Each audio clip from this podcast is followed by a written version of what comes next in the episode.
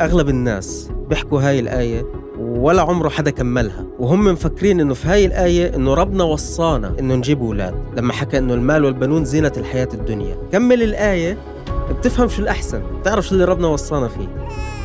في ناس مثلا لما تيجي تخاطبيهم تحكي لهم إنه أنا هذا اختياري هيك اعتقادي هيك قناعتي. بيجي بيحكي لك حرام عليكي تحكيش هذا الحكي بلاش ربنا يعاقبك لقدام. لما يصير بدك تخلفي ما يبعتلكيش أهلي بيقولوا جيب لنا ولد نلعب فيه ليش تلعبوا فيه يعني؟